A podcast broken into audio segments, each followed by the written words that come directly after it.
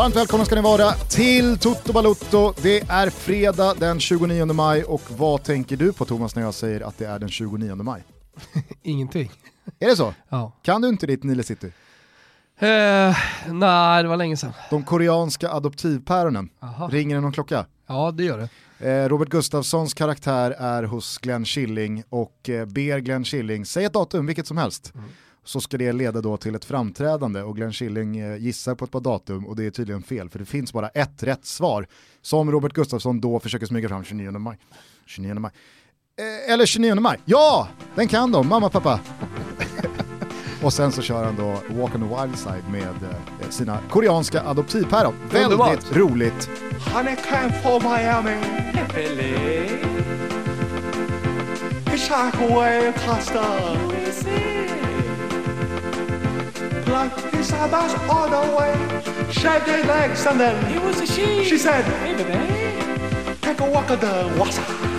Eh, hur mår du? Det händer grejer minst sagt här i sommarvärmen i huvudstaden. Ja, jag kommer precis in i studion från Karlberg, jag har intervjuat AIK-spelare och ledare efter att beskedet har kommit då att slutligen från Folkhälsomyndigheten, egentligen var det väl regeringen som eh, kom med eh, beskedet att allsvenskan eh, drar igång 14 juni. Men som så många gånger tidigare Gusten, så visste vi det ju redan igår eftersom Disco, Daniel Kristoffersson, hade eh, breakat det. Mm. Vad var känslan och stämningen att rapportera från eh, på Karlberg då? Jag tror att spelarna kände till att det skulle bli 14 juni. Så att det, det, det, såg inte ut som att det kom som en överraskning. Så det var inga så här glädjerop och ja, men spelare som var alldeles lyriska utan det var liksom, ja, man, man tog emot det med, med ganska eh, milda känslor skulle jag säga. Den eh, hetaste diskussionen som har uppstått här nu efter att beskedet mer eller mindre är klubbat och klart eh, är ju det om eh,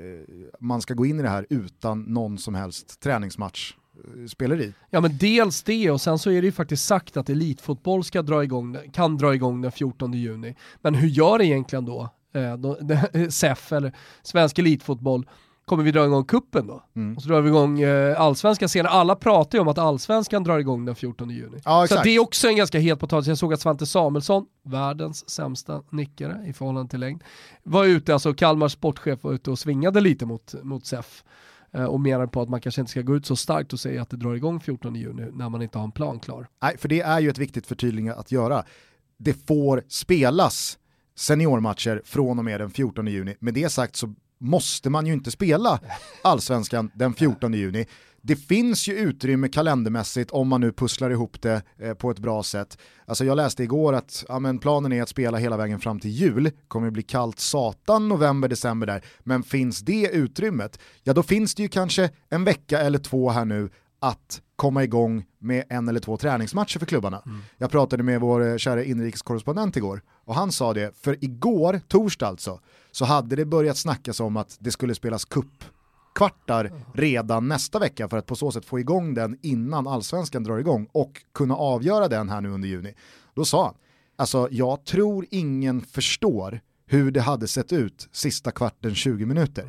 Och tänk om det blir förlängning, vilket är fullt rimligt att det blir i en av fyra kvartsfinaler. Tänk dig förlängningen mellan Mjällby och Falkenberg som möts i en kvartsfinal.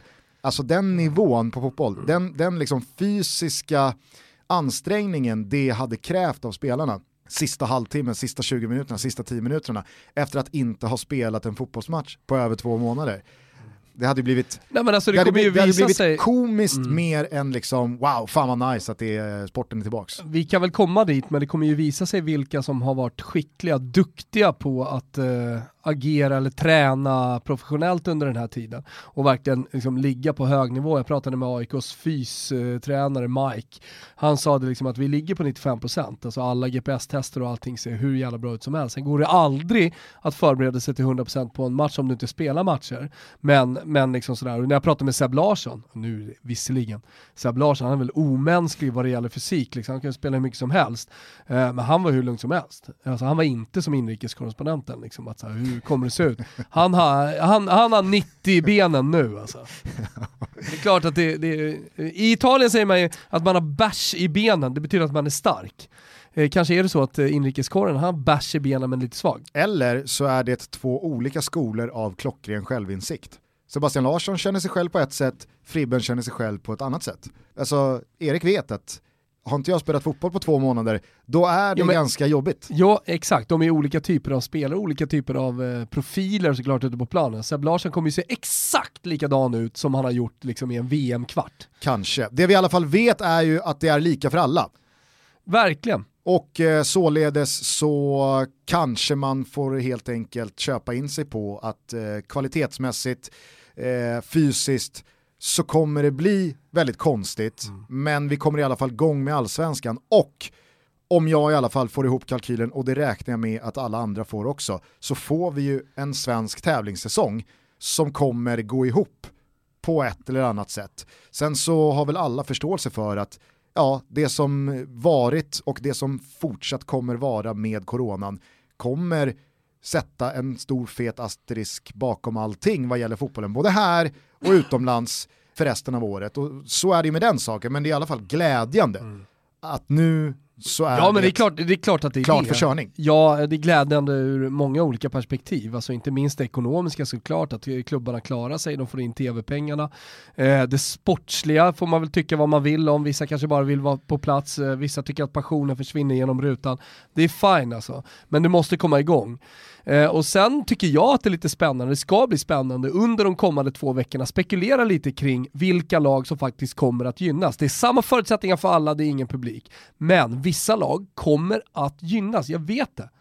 Och det vet du också Gusten. Men det är inte nödvändigtvis så, om man bara tänker den korta tanken, att lag med mycket publik som, har, eh, liksom, ja, men som är bra på sin hemmaplan och vinner mycket där, storklubbarna eh, framförallt, att de då missgynnas. För då får de inte sina stora klackar bakom sig. Vi pratade om det mer förra veckan där, exakt, med, med hemmaresultat. Men så pratade jag med och- Henrik Goitom om det och han, han, var liksom lite inne på att med alla lag som kommer till Friends Arena och som möter oss, de, de spelar som en jävla VM-final. Det är, liksom, det är en av de stora matcherna på året, där kan man visa upp sig. De taggas också igång av att det är en jävla massa folk på läktarna. Förutom Eh. i fjol då, när Gnaget gav bort bollen och spelade som ett bottenlag som slogs för överlevnad på hemmaplan oavsett motstånd. Visserligen, visserligen. Nej men förstår du, alltså man kan ju vända på det också. Och det, det ska bli helt spännande. Jag är inte helt säker på att det är de stora klubbarna som kommer missgynnas mest av det här. Nej, kanske inte. Alltså, vi, vi, vi, vi får väl se. Det jag tror är att det här är en situation som är helt omöjlig att förutse. Alltså, det, det kommer visa sig. Vissa Fast klubbar... är man bra på att förutse, har man rätt i sin teori, Mm ja då kan man ju tjäna pengar bort hos Betsson. Det jag skulle landa i i alla fall kring då kuppen och det jag snackade om med Erik igår, det var ju att igår, innan liksom det här beskedet kom, så var snacket att ja, det kanske går att färdigställa eh, kuppspelet här nu under juni månad och dra igång det innan allsvenskan och sådär. Men jag läste här nu under förmiddagen på Fotbollskanalen, eh, när Lund då eh, reagerade på det som har klubbats igenom här nu, eh, så står det liksom tidigare har det funnits en förhoppning från fotbollens sida att Svenska kuppen på här sidan ska kunna hinna spelas klart innan allsvenskan drar igång. Det här sköts ju upp på obestämd tid för några eh, veckor sedan eller någon vecka sedan, eh, men Olofs enda eh, citatkommentering på det är den förhoppningen dog nu. Så att alltså, kuppen hänger kuppen. jävligt löst. Den, den ska på något sätt avgöras, kanske på plan, kanske vid ett skrivbord. Eller då avgörs den inte, då går en Europaplats till AIK och så voidar man kuppen. Eh, men allt idag pekar på att det inte kommer spelas cupfotboll innan det spelas allsvenska. Nej. Och jag kan, jag kan väl tycka liksom att vi befinner oss i så jävla speciellt läge just nu. Att om det är någonting som ska stryka med, då är det väl kuppen ändå. Det är bättre att man kommer igång med allsvenskan, det är bättre att serien liksom börjar spelas. Samtidigt som att det är ju så få matcher med kuppen. Alltså det borde Men verkligen... varför kan man inte spela varannan dag då? Som man, eh, jag, jag läste någonstans att Premier League skulle komma igång med, det var Oscar, vår goda vän, Fantasy Premier League-proffset, skrev 92 matcher på 36 dagar. Ja, det var väl kanske Oskar som skrev det. Ja, något i den stilen i Ja. alla fall. Ambitionen varför är- kan inte allsvenskan spela Ambition... varannan dag då? då? ambitionen från Premier League är att från och med den 17 juni, alltså mitt i veckan, jag tror att 17 juni är väl då en onsdag va? Så är ambitionen från Premier League, jag kan ta fram det här nu, eh, så ska man spela fredagar 21.00. Och nu är eh, det svenska tider jag pratar om. Lördagar 13.30, 16.00, 18.30, 21.00. Söndagar 13.00, 15.00, 17.30, 20.00. Måndagar 21.00. Veckomgångar, tisdagar, onsdagar, torsdagar 19.21. Alltså det är matigt med Premier League-matcher alltså. alltså. Serie A klubbade väl också igenom igår, förrgår, Ja, 20 juni. 20 Förrgår. juni. Där återstår väl så mycket som 159 matcher. Mm. Sen så är det ju, i alla fall utanför Italiens gränser, ett helt annat intresse och då alltså svalare intresse för väldigt många matcher jämfört med Premier Leagues alla matcher. Så är det Det väl. är ju helt andra tv-avtal, det är helt andra pengar, det är helt andra externa intressen utifrån. Så jag vet inte riktigt, alltså när man läser Premier Leagues plan här så är det ju väldigt tydligt att varje match har typ brytits ut för att den ska gå solo, så att man ska kunna visa alla matcher. Snarare än då att det är massa eh, Men det här, det här, det här kommer ju betyda att eh, man prioriterar matcher. Eh, att vissa matcher av vissa lag kommer mer eller mindre att vaskas. Hur menar du? Ja, men jag tänker att om du har då tre matcher på en vecka så tänker man den matchen är viktig och den matchen är viktig. Där lägger vi vårt krut och sen så ställer vi in skorna mer eller mindre så som de spanska lagen brukar göra mot Barcelona och Real Madrid. Framförallt så har ju du, tycker jag, satt huvudet på spiken vad gäller det med de här förutsättningarna om tre, fyra, fem omgångar. När en hel del lag varken behöver titta uppåt eller neråt. Nej. Då kommer det ju bli dassiga 8-0 fighter. 8-0 matcher. Ja, eller 0-0 fighter Så som bara om liksom de möter spelas varandra. av. Ja, ja, Jaha. Ja. vem fan bryr sig? Ja. Men eh, absolut, det, det, det är väl rimligt att tro att eh, vissa lag kommer foka på eh, liksom Mm. Bot- bottenkonkurrentmatcherna eller vad det nu kan vara. Ska vi summera lite då läget eh, i fotbollsvärlden? Mm. Eh, det är allsvensk start tror vi, om det inte är så att kuppen ska komma igång då, men i alla fall. Svensk elitfotboll kommer igång den 14 juni. Får komma igång. Får komma igång. Damerna tror jag, de vidhåller väl eh, 27-28 juni som startdatum för damallsvenskan. Kanske de börjar tugga igång med träningsmatcher då. Det är väl rimligt att anta. Är rimligt att anta. Eh, sen så då får man väl anta att allsvenskan rullar igång Ja, alltså jag tror inte att man kommer liksom, hörni ska vi inte skjuta på det två veckor så vi får lira träningsmatcher? Inte en chans i helvetet! Det, det kan bli någon slags så här jippomatch, alltså 00.00, Ja. 14, 14 juni, med midnattssol och så vidare. Alltså typ, Kanske en bra idé, Gustav. Östersund kan ju mycket väl föreslå det att vi kan komma igång en minut, Midnattsbollen. en minut in på liksom, nu är det okej att spela fotboll igen, då kan vi vara igång. Fan jag spelade, vilken kupp var det när jag var yngre som man spelade på nätterna? Som var så jävla rolig. Kan den heta midnattskuppen? Nej, men, eh, men det är någonting speciellt att idrotta på natten. Jag Ja. körde någon vo eh, volleybollturnering också på natten. Gick åt helvete, torskade varje match. Jag vill minnas att Gnaget arrangerade någon eh, turnering i Solnahallen Ja. eh, som gick kvälls och nattetid. Det hade varit mysigt. Kan vara ett tips då till Östersund kanske, att ansöka om att spela 00.00. Ja herregud, alltså det, 14. det genomfördes ju i fjol. Då var det väl eh, midnattsmatch mellan eh, Giffarna och Örebro tror jag. Ja. Eller om det var Giffarna AFC. Det Kvalvaka. Ja, jag menar alltså så här, vad fan, jag tror att alla liksom tänkbara, kreativa, nu rider vi på att fotbollen kommer igång igen. Mm. Alla sådana idéer behöver inte vara dåliga nu, utan snarare tvärtom. Nej, b- Producent John Witt, han sitter ju nu och liksom bara gnider händerna och eh, är kreativ kring den här allsvenska starten. Det får man anta. Ja. Eh, nej men som sagt, eh, svenska eh, elitfotbollen då tillåten från och med 14 juni. Danmark kommer igång i helgen Ja, med sina Zoom-skärmar, det har vi redan pratat om. och sett också. Eh, Det kom exempel på, jag tror att det var någon träningsmatch eller så, någon skickade in i vår tråd på Toto Balotto Twitterkontot. Okej, ja. Mm. ja det här följer vi såklart med spänning. Det, Men jag det, tror att streamen var sen, men eh, de här skärmarna på supportrar var tidiga, så man fick måljubel innan själva målet. Är du med?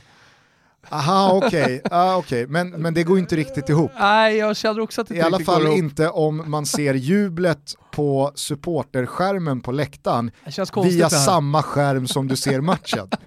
För då, då är det en ekvation jag i alla fall inte får ihop. Nej, den är lurig. Mm. Men det är väl klart att det är som upplagt för ett Ja. par dråpliga tekniska haverier. Självklart. Å andra sidan, det är fan frisedel nu. Vi pratade om äkthetskortet förra veckan och att det är en jävla massa liksom, eh, ultrasupportrar i det här landet framförallt som står i frontlinjen och liksom stand their ground med att allsvenskan, det spelas inför publik, annars är det skitsamma. Det är sorgligt att se hur många som liksom hejar på att det ska komma igång igen och det här är ingen jävla tv-sport och det är inget jippo, det är ingen sur. Alla är, alla har rätt till sin egen åsikt, såklart. Men jag tycker liksom att, vad fan, i de här tiderna, att det nu rullar igång, nu är det, det, det är carte blanche för Mm. vad, vad som kan gå här nu. Jag lyssnar ju väldigt mycket på radiosporten och radio generellt sett eftersom jag spenderar mycket tid av dagarna i min bil va Gusten. Eh, bland annat lyssnar jag mycket till eh, Rickard Henrikssons expertanalyser. Han kommer hit till Toto om eh, någon vecka. Det ska bli fan skitkul, jag tycker han är grym. Mm. Eh, I morse så kom han med återigen då skarpa analyser kring det här läget och han är väldigt så här, tydlig. Sen pratar han för en stor publik. Det ska bli kul att få hit honom där han pratar för en lite, liksom där, där han kan vara lite, inte så bred i surret, är du med? Vet du, vet du vad som också är Rickard Henriksson? Nej. När jag liksom tänker på Rickard Henrikssons värv efter spelarkarriären, han hade ju fina år i, i svensk elitfotboll, inte minst då i. Djurgården och, och BP. Eh, det är ju att hans podcast, till skillnad då från Sveriges Radios andra poddar som bara liksom ja, men slaktar rent ut med även de största kommersiella poddarna, P3 Dokumentär och så vidare. och så vidare. Det är ju att hans podcast, Fotbollsarena, som har gått i Sportextra och P4, Exakt. Den, liksom, den nämns inte speciellt ofta när man pratar om största sportpoddarna. Nej. Det är Toto Balutto, det är Lund och det är Offside och det är Studio Allsvenskan och, och det är Sporthuset och jag menar så här, Ja. det är de som nämns, men ingen pratar om fotbollsarena som Nej. Henriksson har gjort typ längst av alla också. Ja, ja, jag vet. Jag vet. Du får vi prata mer om när Han kanske får hit. upprättelse här i, i men, Toto-studion. men, men, men det jag skulle säga är att eh, journalisterna på plats då när regeringen och Folkhälsomyndigheten gav det här beskedet, eh, de är liksom inte fotbollsskolade höll jag på att säga, de är inte, de är inte skolade i sportens värld, så att frågorna blir så jävla dåliga. Bland annat en intervju då med Karl- Karl-Erik Nilsson direkt efter, där man liksom inte ställer de frågorna man vill ha svar på, utan det enda man fokuserar på, det enda journalisterna på plats fokuserar på, det är det här jävla surret om supportrar som ska samlas. Alltså jag förstår att man vill markera mot det, men enbart prata om support, alltså vi, fotbollssupportrarna i Sverige, kommer ha järnkoll på det här. Det kommer inte vara smockfullt på polerat. För det första, för att vi inte får. För att det finns vakter på sportklubbarna som kommer se till att det inte händer. Men för det andra så kommer vi inte vilja det. Vi vill ha igång eh, allsvenskan med publik. Så vi kommer, vi kommer sköta oss exemplariskt. Det är inte så att ultrasupportrar kommer stå 3000 pers utanför arenan. Det här var det enda man fokuserade på Gusten. Det var de enda frågorna man ställde. Till Karl-Erik Nilsson, jaha vad händer nu då? T- tänk ett scenario där det samlas lite för mycket supportrar och Folkhälsomyndigheten och regeringen drar tillbaka det här så att man inte får spela vidare i Allsvenskan. Vänta, vänta, vänta. Vad fan är det för jävla scenario? Vad, vad pratar de om? Nu har vi precis för en timme sedan fått beskedet att Allsvenskan ska komma igång. Då pratar, pratar du om en hypotes, att eventuellt så kommer det samla supportrar som kommer att få Allsvenskan stängd igen. Det är idiotiskt. Det är idiotiskt. Och han blev sur också, Karl-Erik Nilsson, när han fick de frågorna med, med all rätt. Men, men, men just det här fenomenet att icke-sportjournalister som liksom då går på eh, såna här, den här typen av presskonferenser eller ska prata om sport eller ska göra intervjuer i radio eller vad det nu är. Det är hädiskt alltså. Det går inte att lyssna på, det går inte att se på. Och återigen, alltså Jesper Hoffman, vi har nämnt det här, en hel del andra har också det. Ja men förbjud eh, sportbarer och visa allsvenskan då. Ja. Då går ju ingen dit. Nej. Då går ju ingen dit. Alltså, det, är, jag, jag Ja, fattar, det, eller, det eller så... här, låt dem gå dit och låt dem hålla sin eh, distans till varandra, Ja. man får inte hänga i baren. Alla Fan. barer, alla krogar, alla Nu restauranger vi om det, som får ha öppet, de har sina regler att förhålla sig till. Ja! Punkt. Det, det- alltså, så här, således, så, det här är ju Nej, ett men alltså, det problem. är så här, en timme och 20 minuter, då fick jag expertanalys av eh, Rickard Henriksson och det var, det var klockrent. Han liksom la ut det brett stort, det är det här som gäller. Och sen resten var skräp alltså. Men det här är ju inte bara i Sverige det diskuteras utan det här har ju även då satt sin prägel på den engelska omstarten. Jag vet inte om du har sett det. Men där har man ju gjort en bedömning vilka är högriskmatcher i det återstående programmet och då pratar man inte rivaliserande Nej. supportrar utan snarare heta matcher som då skulle generera potentiella folksamlingar. Och inte minst då, då så är det ju Liverpool som hamnar i, i skottlinjen här i och med att de är bara några ynka futtiga poäng ifrån första ligatiteln på 30 år. Ja, vad händer? Exakt, så Ja. att deras matcher är ju verkligen bedömda som högriskmatcher utifrån att samla stora folksamlingar. Därför läste jag nu på morgonen att då är planen att de ska spela på neutral plan i Manchester. Så att Merseyside-derbyt mot Everton, som mycket väl kan bli den matchen där Liverpool säkrar titeln, den är planerad till att spelas på Etihad, Citys hemmaplan. Ja. Det är ju ändå ödets, alltså sådär, sånt jävla men fuck det- you det till ju- Manchester City. Jo, det, det är dels det, sen så är det idiotiskt av många andra anledningar också. I och med att det inte var publik på matcherna. Alltså så här, folksamlingar, fira en seger till exempel. Ja, det gör man ju ändå på gatorna i Liverpool oavsett var matchen spelas. Mm. Och nästa grej är väl att det är, alltså med tung gasfot, bra bil så är det 20 minuter till Manchester från Liverpool. Ja, vill folk åka dit så åker man dit oavsett, eller? Jo, kanske. Jag menar bara att det, det är väl rimligt att tro att risken för en större folksamling minskar om matchen spelas i Vet Manchester inte. än om den spelas på Anfield hemma i Liverpool för Folk Liverpool-supportrar. tveksam alltså. Det, det är ju knappt Ja, ja, favorit det- på att det är ja, liksom så- så att det är högre dumt, risk. Det, nej, men, det, det, det är ett dumt beslut. Spelar den i Norwich Jag eller någonting istället? Vart ligger Alltså, Norwich? spela, Vart ligger Norwich? Skulle säga sydväst. Ja. ja, söderut är det ju i alla fall. Det, Det, det är ju rejält söderut från Ja. Manchester och Liverpool i alla fall. det måste det väl vara? Ja det är det. Ja. Hur som helst, eh, de här resonemangen förs även i England. Alltså det här är en het potatis Nej, även i, i, i sådana ligor, och på den nivån också. Ja, regeringen, Folkhälsomyndigheten säger ganska luddigt att det är elitfotboll som får spelas. Alltså folk, eller, när man preciserar det säger man att folk som har det som yrke. Men okej, det finns ju faktiskt folk i division 1 spelare som, och andra som har det som yrke att spela fotboll. Var, var, var går gränsen? Det var de inte tydliga med och det fick de ingen fråga kring heller. Nej. Okej, det är väl rimligt att tro då att eh, superettan och allsvenskan eh, får resa, för det är det det handlar om Gusten, det fattar du va? Att det handlar om resandet. Mm. Men i division 1 så, så får du ju resa också väldigt mycket. Kommer de också ges eh, tillåtelse att, eh, eh, att spela sina matcher? Det återstår ju att se.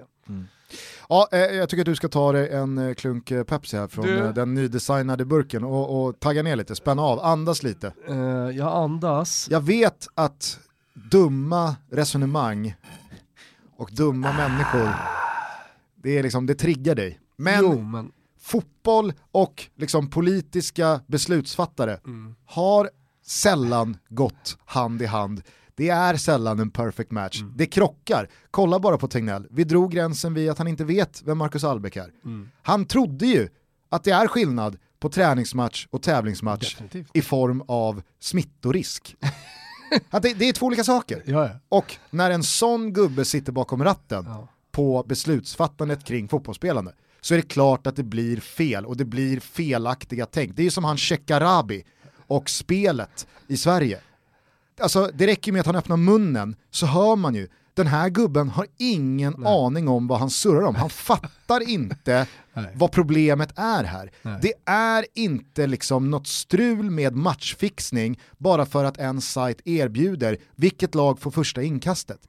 Det är inte liksom, det är, det är inget problem. Nej, och grundproblemet i det, det är ju att du inte får in några jävla pengar på en avspark eller på Exakt. ett inkast. Exakt. Det finns, när- inga, finns inga illegala spelnätverk som går in och liksom försöker göra upp ett inkast. Nej. Och, men, men alltså det, det är en så enkel, så är det. Ja. Alltså det, det är fakta, du får Och in när- noll kronor och det är ingen som kommer kunna omsätta det. Och när Shekarabi då driver allt det här med då hela tiden utgångspunkten och grundtesen att vi ska skydda liksom, de licensierade bolagen, vi ska stänga ute de olicensierade, vi ska, vi ska främja en spelmarknad där det inte finns massa shady aktörer. Det är- allt han säger är paradoxalt. Alltså han motarbetar sig själv. Exakt, för när man limmar folks insättningsmöjligheter så är det så här, alla har inte problem med spel.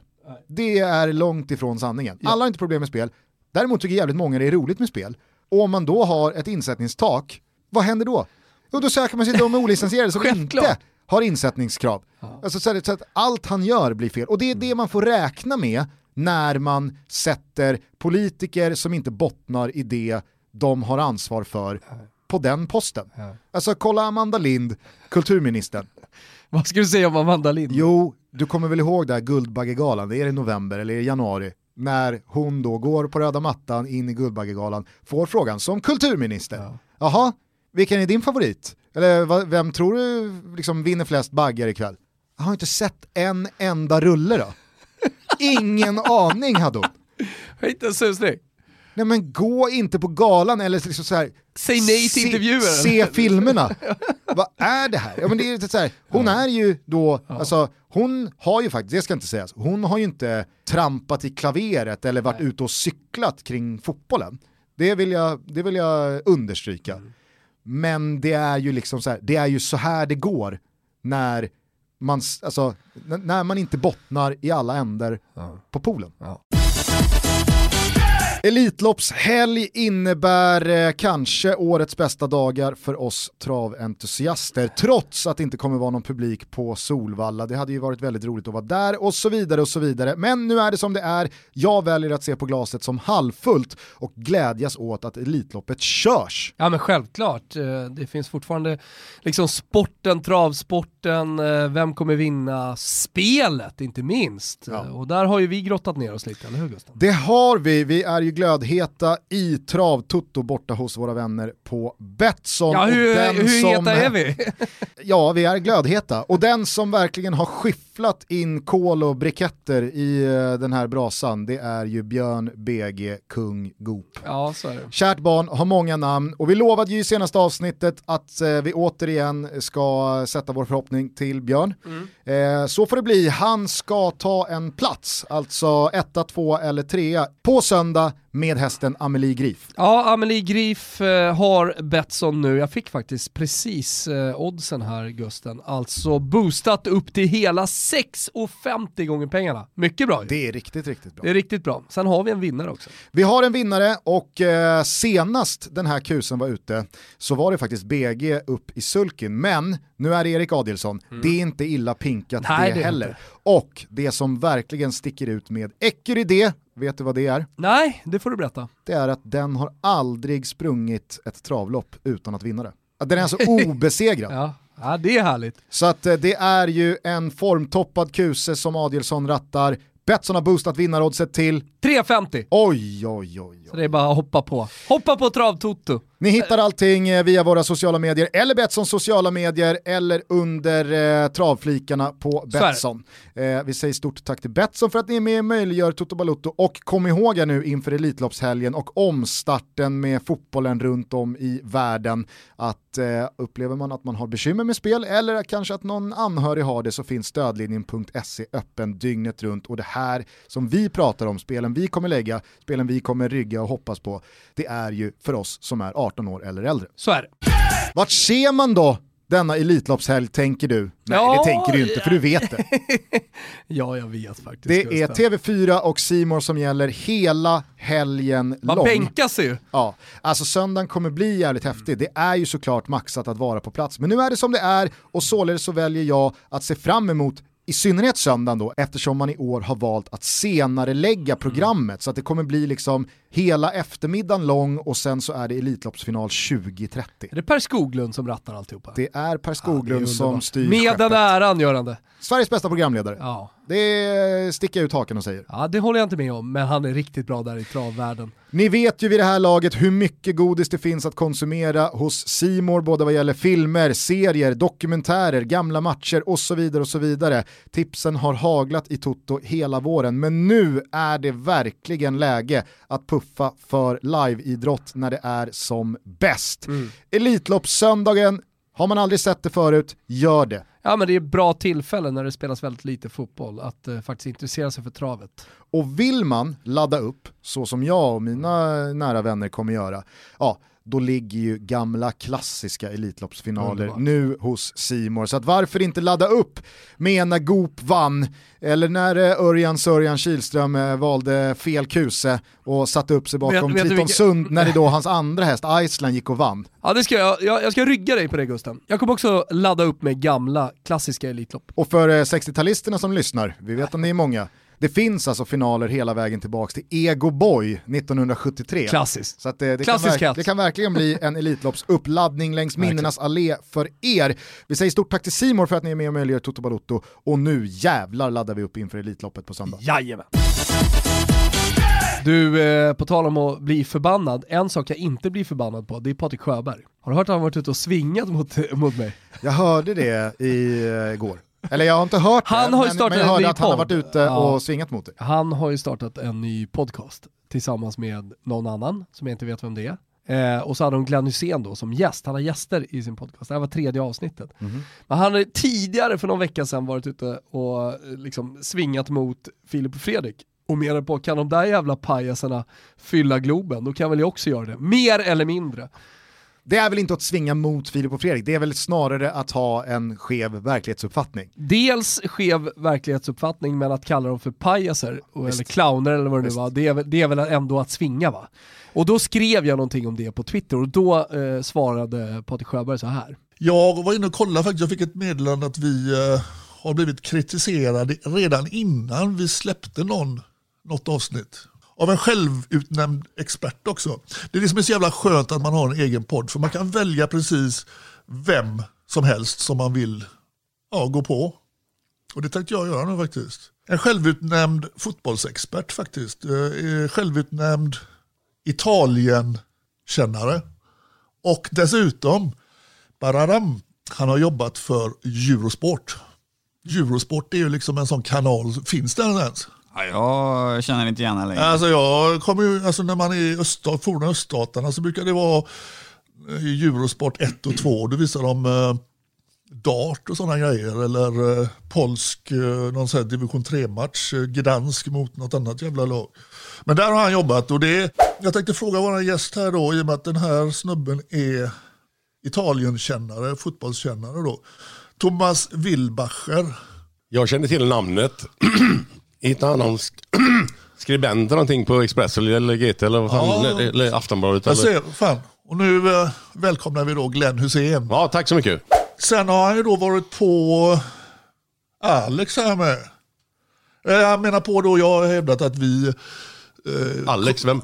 Alex är ju... Ja, ja, ja förlåt. Nej, jag trodde det var jag. Ja, eh, han har ett riktigt namn också, Guldtand. Nu säger ju Thomas Wilbacher här då på Twitter att eh, Sjöberg säljer ju inte ut O'Learys i Södertälje. Mark my words. Fan vad fräckt. Eh, jag vet inte, är det, är det roligt eller är det något, har han någonting emot Södertälje? Är det till och med rasistiskt? Men eh, det är det som är så jävla skönt man har sin egen podd. Va? Eh, man kan ju utnämna då veckans rövhatt och det väljer jag att eh, Thomas Wilbacher, nu vill jag gärna se, han sitter på Söder där på Retrobar och liksom dricker någon jävla hemmaodlad öl och är så jävla svår. Jag ser att han är på väg att bli flint också, det är nog därför han är så jävla kaxig och så jävla aggressiv. Men eh, Thomas, kör på nu ordentligt och skriv så folk fattar så blir det roligare faktiskt. Jag kan en bra historia om en flint. Vad är det? Det var en flintskallig och en med hemorrojder. Vad är en rövhatt? Jag vet inte. Nej men vad, alltså, En hatt gjord på en röv. Det känns väldigt göteborgskt. är det en hatt man tar på sig som då signalerar jag är en röv, Ja, förmodligen. Ja. Jag tar på mig det. Jag är röv. Och det, jag, tyckte, en jag, grövre dumstrut. jag tyckte det var roligt att han fokuserade på att jag var Eurosport. Alltså, typ som nedvärderande. Att så här, ja, han, han har ju jobbat på Eurosport. Vilken sopa. De får inte ens vara på arenorna. liksom. De sitter i en kommentatorshytt. Men jag, jag, jag har, för det första har jag typ inte varit Eurosport. Alltså så här, jag, jag har varit Eurosport väldigt lite i mitt liv. Men, Men ja, det, var, det, var, det var uppfriskande. men är inte Sjöberg bra polare med Patrik Ekwall? In, jag är inte en susning. Jag tänker att du och Ekwall Känns som bygger ju, alltså det är nya, nya duobygget här. Ja, jag Wilbacher vet, Ekvall. jag vet, jag vet. Det här kanske slår in en kil mellan dig och Ekwall?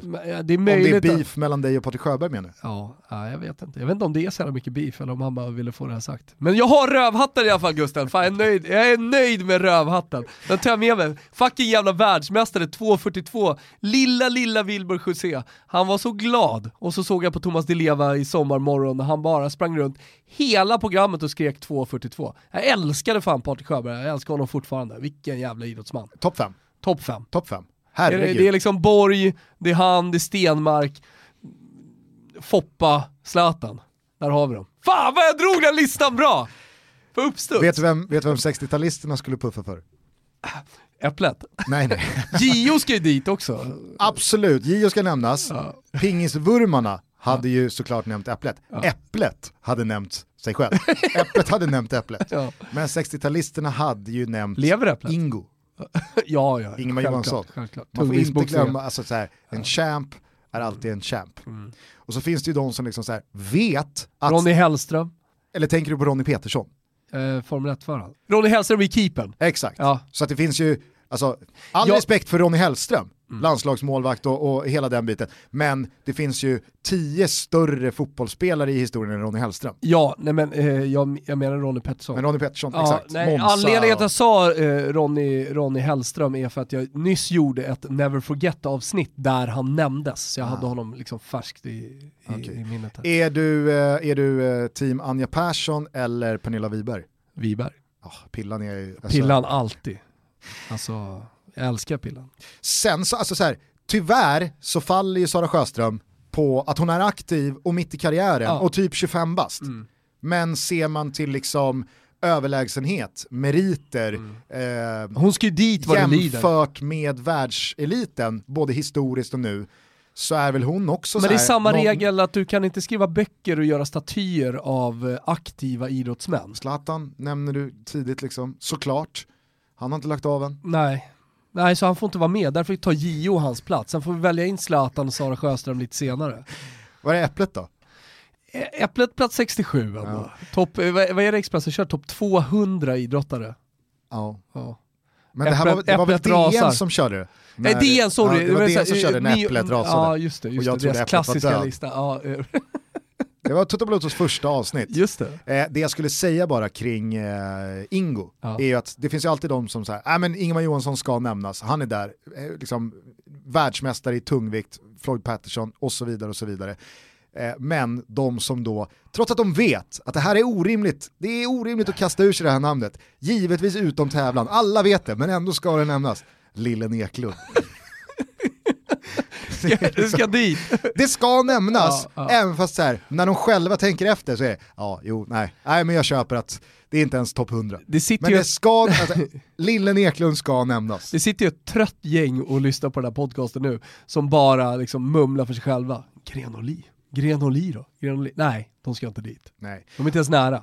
Nej, men och sen så, vad, har du? Du har Gunder Hägg och... Nej, lugn nu. vadå? Jo, alltså Gunder Hägg. Vad heter, eh, vad heter uh, Gärderud? Det är också Anders här- Gärderud, ja. Och Glans är sexa. Men han är ju bara tur för han, tysken eller belgaren som faller på sista, han är ju på Väst- väg västtysken. om. Västtysken är ju på och väg västtysken om. faller. Ja men han är på väg om. Jag vet. Sen så är det väl, alltså så här, jag kan inte min Anders Gärderud. Men är inte han ett lopp? Eller? Han var säkert mycket mer men det är det han har blivit ihågkommen Jo, men- från. Alltså, Loppet, världsrekordet, ja. guldet. Och sen, men han Och det sa är det, alltid svårt, för mig i alla fall, det är alltid svårt att tävla mot folk, idrottare som har uppnått liksom världsklassnivå, kanske varit bäst i världen Mm. i fem, åtta, tio års tid. Alltså Björn Borg, ja, Ingemar här, Stenmark. dominerande inom sin idrott. Exakt. Alltså, jag säger ingenting att Anders Gärderud gjorde någonting skitbra. Det gjorde han. Sen har ju ingen varit så svensk i sina uttalanden, sitt firande efter som Anders Järrud. Möjligtvis då Wassberg. Jag vet inte, det får bli en tävling mellan dem. Men, men grejen var ju att Järrud, han menade ju på att det där var ju som vilken tävling som helst. Det var ju som vara nere på Kristinebergs IP, liksom ramla runt 3000 meter hinder och vinna där. Det är ju ingen skillnad att det är OS. Är du team Wassberg eller Gunne Svan? Nej, du får, alltså... För det råder Torgny Mogren, kan jag svara det Det är eller? Lille. Det är Lille Neklund. Alla vet att tyvärr Torgny, men du är utom tävlan. Majbäck får för lite ljus på sig kan jag tycka. Sen så, så, så här, det är väl så att det råder inga tvivel om att Gunde Svans meriter outshinar Wassberg ganska rejält. Va? Jag tror det. Men Wassberg är liksom, det, det är ett coolare svar. Nej, jag, jag väljer Gunde alla Exakt, gånger. det är, alltså. Gunde är väl nummer ett. Ja, Det så, så är det. ja det, så måste det vara. Ja, ja, eh, det var en liten detour eh, det där. Vi var på Patrik Sjöberg att du har blivit veckans rövhatt då i Ja. hans nya podcast. Jag är stolt över hatten. Vi får väl se om de fyller eh, Globen nästa år eller när man nu Ja, kan... eller om det blir som jag skrev då, O'Learys i Tälje. Jag kommer i alla fall köpa biljett. Du är där. Jag ska dit. Jag ska lyssna på den här podcasten Ja, bra. Vi är denna vecka sponsrade av Sniff. Ja det är vi. Sniff S-N-I-P-H Gusten. Precis, inga F här inte. Och vad är då Sniff undrar ni som aldrig har hört det här namnet förut? Jo, det är en prenumerationstjänst för doft som månatligen levererar mindre flaskor av exklusiva och lyxiga dofter till dig baserat på din valda doftprofil. Jag har alltid gillat att eh, prenumerera. Jag har aldrig tänkt att jag ska prenumerera på doft, men nu har jag börjat Gusten. Och jag har valt, gissa vilken doft? Jag vet inte. Work Play. Ah, du kör den kollektionen. Jajamän. Jag tror faktiskt jag ryggar dig på den för du brukar veta vart Jag man börjar. på. Jag har Ja. koll på dofterna. Och då kanske ni också undrar så här, men vad då prenumerera på en doftprofil, hur hittar man rätt då? Jo, det funkar ju så här att varje månad så betygsätter man dofterna man fått och på så sätt anpassar Sniff nästa månads doftkollektion utifrån ens betyg. Ja men det är underbart. Och plus då, det jag tycker är så jävla bra med Sniff, det är att man kan ha olika dofter och där man gillar allihopa. Så att man, liksom, man anpassar sin doftprofil och sen så kan man då känna på en skön doft som man vill ha på morgonen. Framförallt, alltså de här årstiderna så är det ju läge att ha ett par kulor i mynningen så att säga, ha ett par valmöjligheter. Det kanske är lite mer sommarfest eller så är det lite mera, ja men man ska vara hemma och mysa på något landställe eller köra filmkväll hemma Och i lägenheten. Ja men det kan ju vara olika tillfällen som då givetvis kräver olika dofter. Eh, man får eh, de här eh, dofterna i ett lyxigt etui första månaden. Det är fri frakt och ingen bindningstid och det kostar 159 kronor i månaden. Trodde ni va? Ja, det är väl det. 159. Nej, nej, nej. Jo, jo. Koden TUTTO ger Ah, 25% rabatt på första månaden. Så att eh, vi eh, rekommenderar gladeligen alla att gå in på sniff.com, precis som Thomas nämnde, S-N-I-P-H och inget annat.com och starta upp ert nya väldoftande liv redan nu. Gör det och ta nu också möjligheten att ge bort det här i present. Det är ju mors dag på söndag och ni som fortfarande inte har köpt något sitter med dåligt samvete och undrar vad fasen ska jag göra? Ja men ge bort en prenumeration. Det är väl alldeles perfekt, är det inte det Gustav? Au, jag tycker verkligen det. Det ska jag göra till min mamma. Vi säger stort tack till Sniff för att ni är med och möjliggör Toto Balotto. Eh, hörni, på tal om Zlatan, i och med att eh, svenska fotbollssäsongen nu är igenomklubbad som tillåten att rulla igång så ja, Djurgården släppte sin nya tröja, snygg måste jag säga. Tycker jag jag var inte jävligt sett clean. Ja, okej. Nej, men det, det var... jag, jag har så jävla svårt att bedöma andra lags tröjor. ja. Generellt sett sådär. Utan det, alltså, tröjan det är för supportarna, det, det är för dem. Ja. Ja, men jag tycker, alltså, så här, om vi nu bara kort ska beröra Djurgårdens tröja eh, i, i en minut, så har ju Djurgården, de har ju alltså, få tröjor, tycker jag, och så som jag har uppfattat Djurgårdarnas bedömning senaste 5-6 åren, de har, de har letat efter den här fullträffen. Ja. Det har kommit en fullträff, men det har inte varit hemmatröjan. Utan det har varit en sån här tredje tröja eller jubileumströja. Kommer du ihåg förra året när de släppte den här Ja. halverade ljusblått mörkblått? Dundersnygg tycker jag, Ja. verkligen. Men det var inte liksom hemmatröja. De har haft lite strul med någon vit krage med, alltså så här, ah, ingen klockren. Här säger jag, här har de fått till det. Jag kollar på den nu. Mm. Det är någon fade där. Kommer det tas emot positivt av Alltså, Djurgårdarna? har man varit med om 2005-fejden så, så, alltså så här, då vet man hur illa det kan vara. Det här är mycket bättre. Ah, jag tycker i alla fall att Djurgården fick till det skitbra. Eh, det vill jag bara säga. Men i och med det här så skickade Bayern ut någon eh, också så här kampanjstart med att vi är då, nu och sen. Eh, vi ses på planen, eh, nu, nu jävla kommer vi igång. Och det här då eh, subtweetas av Zlatan på Twitter för en timme sedan, där han bara skriver vi ses på plan. Igår, jag ska inte säga att det här är bekräftade uppgifter, det vill jag verkligen poängtera. Jag har har haft fel förut, men så är det klart. Det är inte som Ragnik och jag, att han blir klar för Milan. Det är klart. Exakt. Det var klart ett halvår. Det var ju dock pre-coronan. Det här är alltså så här, Corona, om corona- han inte kommer kan jag alltid vända mig till corona. Exakt. Men det som nu händer med Zlatan och Bayern, där kan man ju aldrig liksom så här, jo men hade det inte varit på grund av cor- det här är ju Vad vet du Gusten? Nej men jag säger bara att det är, alltså det, det blir Bayern. Zlatan kommer spela. Den här skadan, som ni kommer höra Vänta, oss vänta, vänta, vänta, nås- vänta, vänta, vänta. Det här, det, här, det här måste vi ta lugnt och försiktigt. Vad är det du säger? Jag säger, Zlatan kommer spela i Bayern. ja.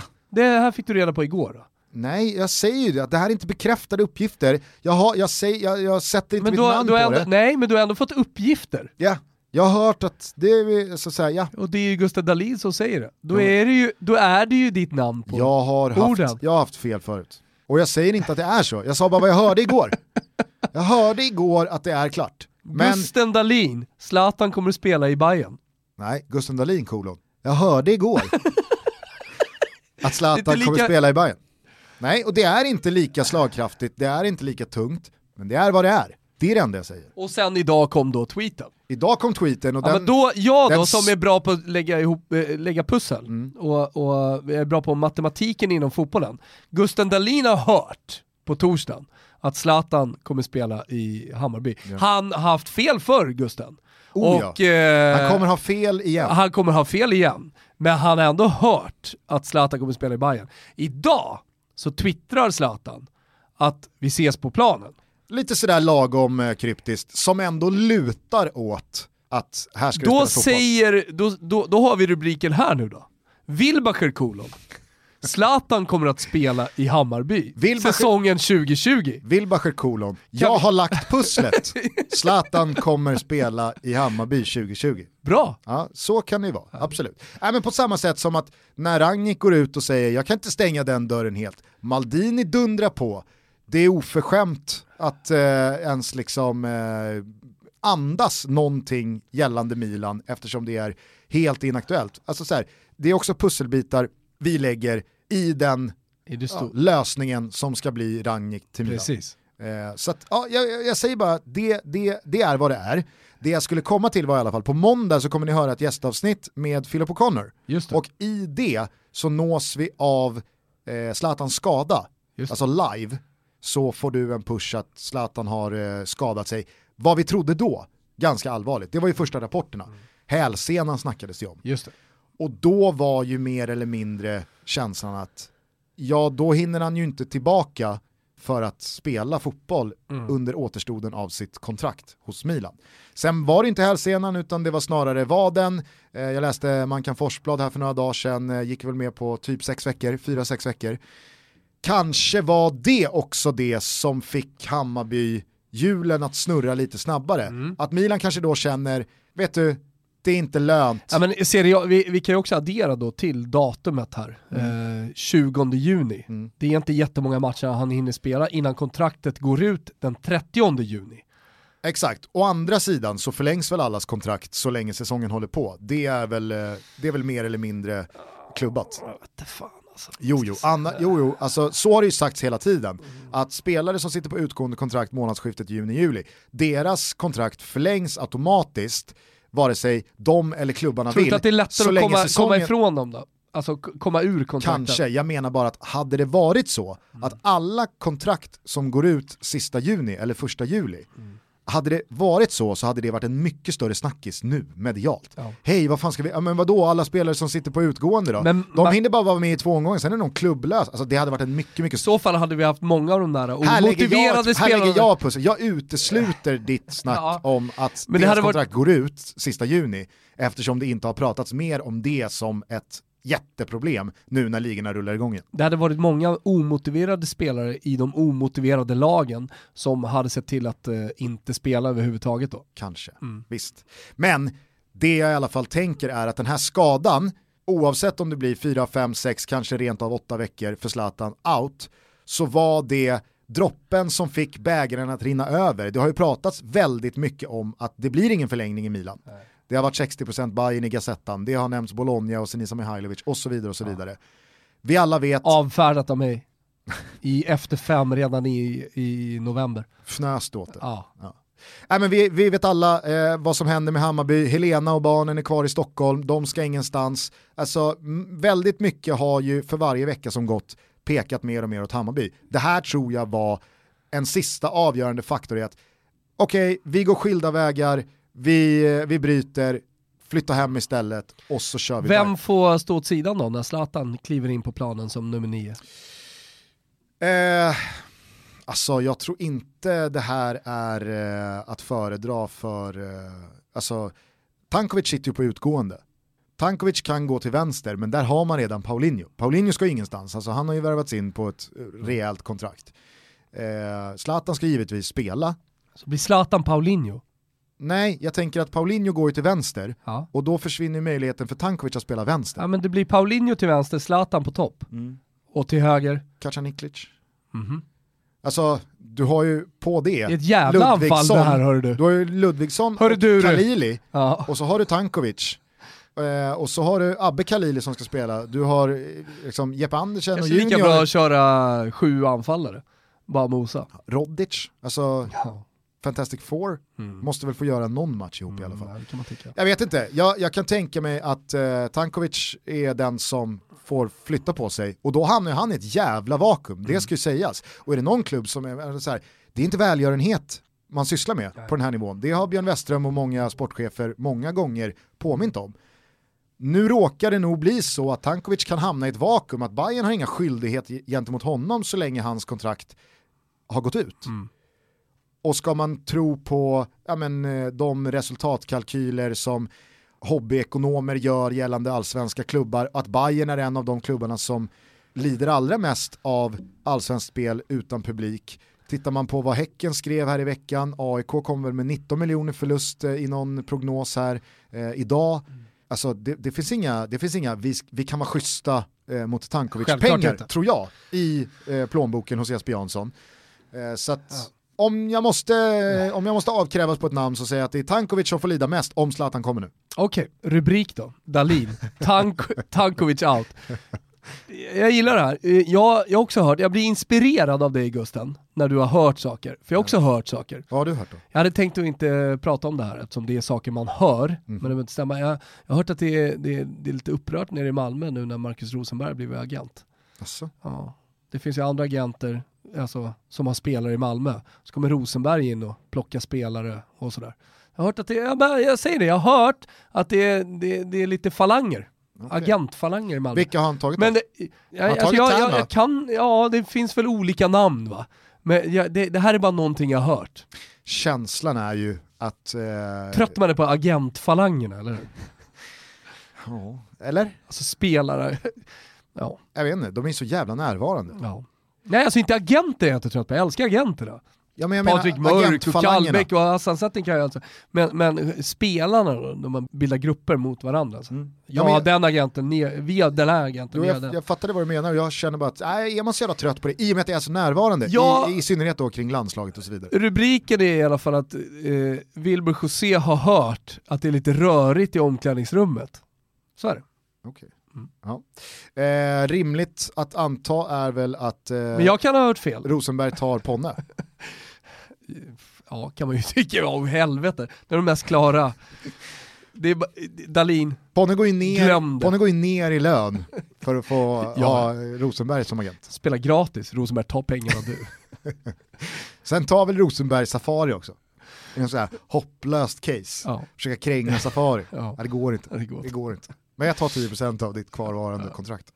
Ja, okej, spännande då. Har vi något mer här nu då när det börjar brännas rejält i form av återstarter? Nej men det, det jag funderar Spanien, på... luddiga La Liga, Ja. 8 juni har man ju hört där. Visst. Och där är ju kul, alltså det blir, det blir roligt att få se Alexander Isak igen, liksom att hela den spanska ligan kommer igång. Den har gått under radarn. Man pratar om allsvenskan, äntligen kommer allsvenskan igång. Och så har man då sina favoritlag och sen framförallt då Premier League som någon slags krona på verket här nu, när vi, återupptagningsverket. Mm. Men eh, La Liga, fan den, den, den har smygit lite. Ja, det jag däremot tycker Spanien har gjort jävligt snyggt, det är ju att man har skjutit på den här Copa del Rey-finalen, baskderbyt mellan Bilbao och Real Sociedad, tills man kan ha publik igen på läktaren. Ja. Det tycker jag är liksom, det är ett jävla sunt beslut, att det får ta den tid det tar. Vi kan vänta in ett vaccin om det så är så. Ja, det, det ju, Copa det, del Rey 1920 kanske avgörs 2022, men då görs det i alla fall mellan Real Sociedad och Athletic Bilbao inför deras väldigt hängivna supportrar. på tal om att man har hört saker så spekuleras det ju i att eh, man ska spela matcher mellan lag som ligger nära varandra då rent geografiskt så att eh, Stockholmslagen kanske möter Sirius i första omgången när man gör om spelschemat. Och att det då skulle bli AIK Bayern i tredje omgången utan publik och redan där så, eh, så eh, är man ju liksom, tycker, där, där går man ju åt andra hållet mot det du säger om baskderbyt här. Mm. Man spelar bara på grund av att det är geografiskt nära, men, men eh, liksom, derbyt vill du ju vänta på tills publiken kommer igång. Ja men du fattar vad jag menar va? Ja, jag fattar vad du menar. Å andra sidan så säger de att det inte är några reserestriktioner nu för, för eh, de allsvenska lagen. Då kan de ju liksom spela mot vem som helst, tänker jag. Eh, hörni, vad gäller eh, det europeiska kuppspelet då så träffade jag eh, Bojan Djordjic i morse. Vi gick en Quisaleta-match, jag och Kristoffer Svanemar mot Bojan och Martin Åslund. Titta på den, nästa vecka tror jag den eh, sänds. Eh, Ja, då, det gör ni som ni vill. då pratade i alla fall han om att eh, vad gäller Champions League så är det då augusti som gäller och att man kommer köra en enkel serie i form av då slutspelet. Det kan ju också bli jävligt maxat, men det Visst. är ju alltså, verkligen någonting jag tänker på i då det här uppstartssnacket. Hur, hur andrahands prioriterat först och främst kuppspel är, tredjehands prioriterat landslagsspel är, och då Nations League och så vidare och så vidare. Först ska ligorna färdigspelas, det ska kunna eh, tas igenom, sen så får man ta Champions League, Europa League någon gång i augusti. En jävla intensiv eh, sommar har vi i alla fall framför oss. Ja, en otroligt intensiv sommar. Det blir många timmar framför tvn. Det kommer bli jävligt kul att det drar igång och sen så får man helt enkelt ha överseende för att det är en speciell situation och eh, ja, men försöka njuta av det, det som bjuds, eller hur? Med eller utan publik, med eller utan DJ-kapos, med eller utan skärmar på supportrar på arenorna. Och med eller utan landskamper för gul och gul så blev jag i alla fall glad i hela jävla hjärtat igår när Svenska fotbollsförbundet kommunicerade att man har förlängt Jannes avtal över EM 24. Alltså det känns så, det känns så Underbart. välförtjänt Ja. för Janne, men också så här, inte plåster på såren för det blir... Så här, Ja, och blir också lite fel. Ja, det, det, det, det, För det det inbegriper fel liksom, incitament i varför man förlänger med Janne. Men jag tänker att så här, eftersom Janne hade ett så fantastiskt 2020 framför sig för några månader sedan med EM-slutspel, med Nations League i A-divisionen med stormatcher och så vidare och så vidare. Så jag tycker ju synd om honom att det blir liksom förmodligen inte en enda jävla landskamp på över ett år för honom. Då är jag glad att han har ett förlängt avtal att glädjas åt. Jag står ju bakom banderollen Janne Andersson Avita. Resten av Livet livet, ut. Livet ut. Ge en livstidskontrakt bara.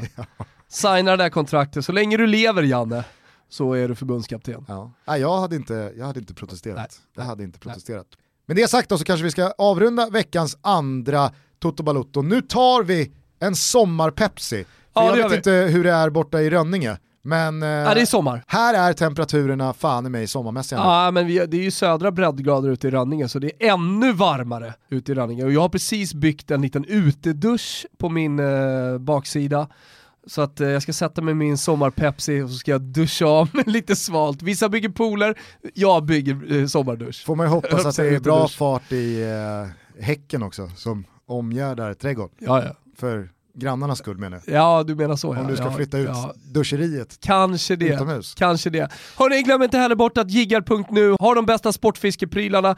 15% med koden eh, fisketutto och alla som köper någonting har en chans att vinna en dag i båten med mig och min kusin Björn Boström. När blir den här jävla dagen i båten av? Nej men det kommer ju bli här snart. Jo, jo jag tänker så här, det kanske är planerat till oktober så ska man dras med dig och liksom, dina jiggar ett halvår till. Nej nej, definitivt inte. Ja, men passa på! Exakt. Fan det är, ju, det är ju fisketider, nu när vi inte får resa, det är ju perfekt att, att dra igång sitt fiskeintresse om man inte haft något tidigare, eller växla upp det om man redan har ett intresse. Missa inte heller vår nya podcast Never Forget, ligger exklusivt hos Spotify. Två avsnitt i veckan kör vi på med. Den här veckan så handlade det om Erno Egri Arbstein och storyn bakom Sean-Mark Bossman och hans påverkan på fotbollsvärlden. Nästa vecka, då ska vi till ett eh, klassiskt, men faktiskt väldigt bortglömt VM-slutspel och en helt otrolig fotbollsliga i eh, en lite mindre uppmärksammad del av fotbollsvärlden. Ja, det kommer bli två helt eh, sköna avsnitt. Eh, vi släpper natten till måndag, natten till onsdag, så det gäller för nattuggare och eh, morgonpigga. Och på måndag så hör ni oss dessutom här i Toto Balotto tillsammans med vår gode vän och kollega Philip O'Connor. Pratar vi irländsk fotboll, men vi pratar framförallt eh, ja, men segregation, vad fotbollen betyder för eh, svenskar i de olika samhällsklasserna. Eh, det var ett jävla härligt eh, avsnitt måste jag säga. Ja, mycket trevlig sittning. Lyssna då. Och nu ska vi gå ut på musik från min gode vän eh, nere i Göteborg. Ska vi verkligen det? Jajamän. Ska vi inte gå ut på Walk on the Wild side? Nej, Eftersom det är 29 maj. Eller Du hade, 29 du hade maj. önskat det för du hade funderat, men jag har, jag, jag, jag har lovat Jocke, han som gör BB-podd, som har släppt ny musik idag, att vi ska gå ut på en låt. Gör han musik? Jajamensan, han är musikproducent.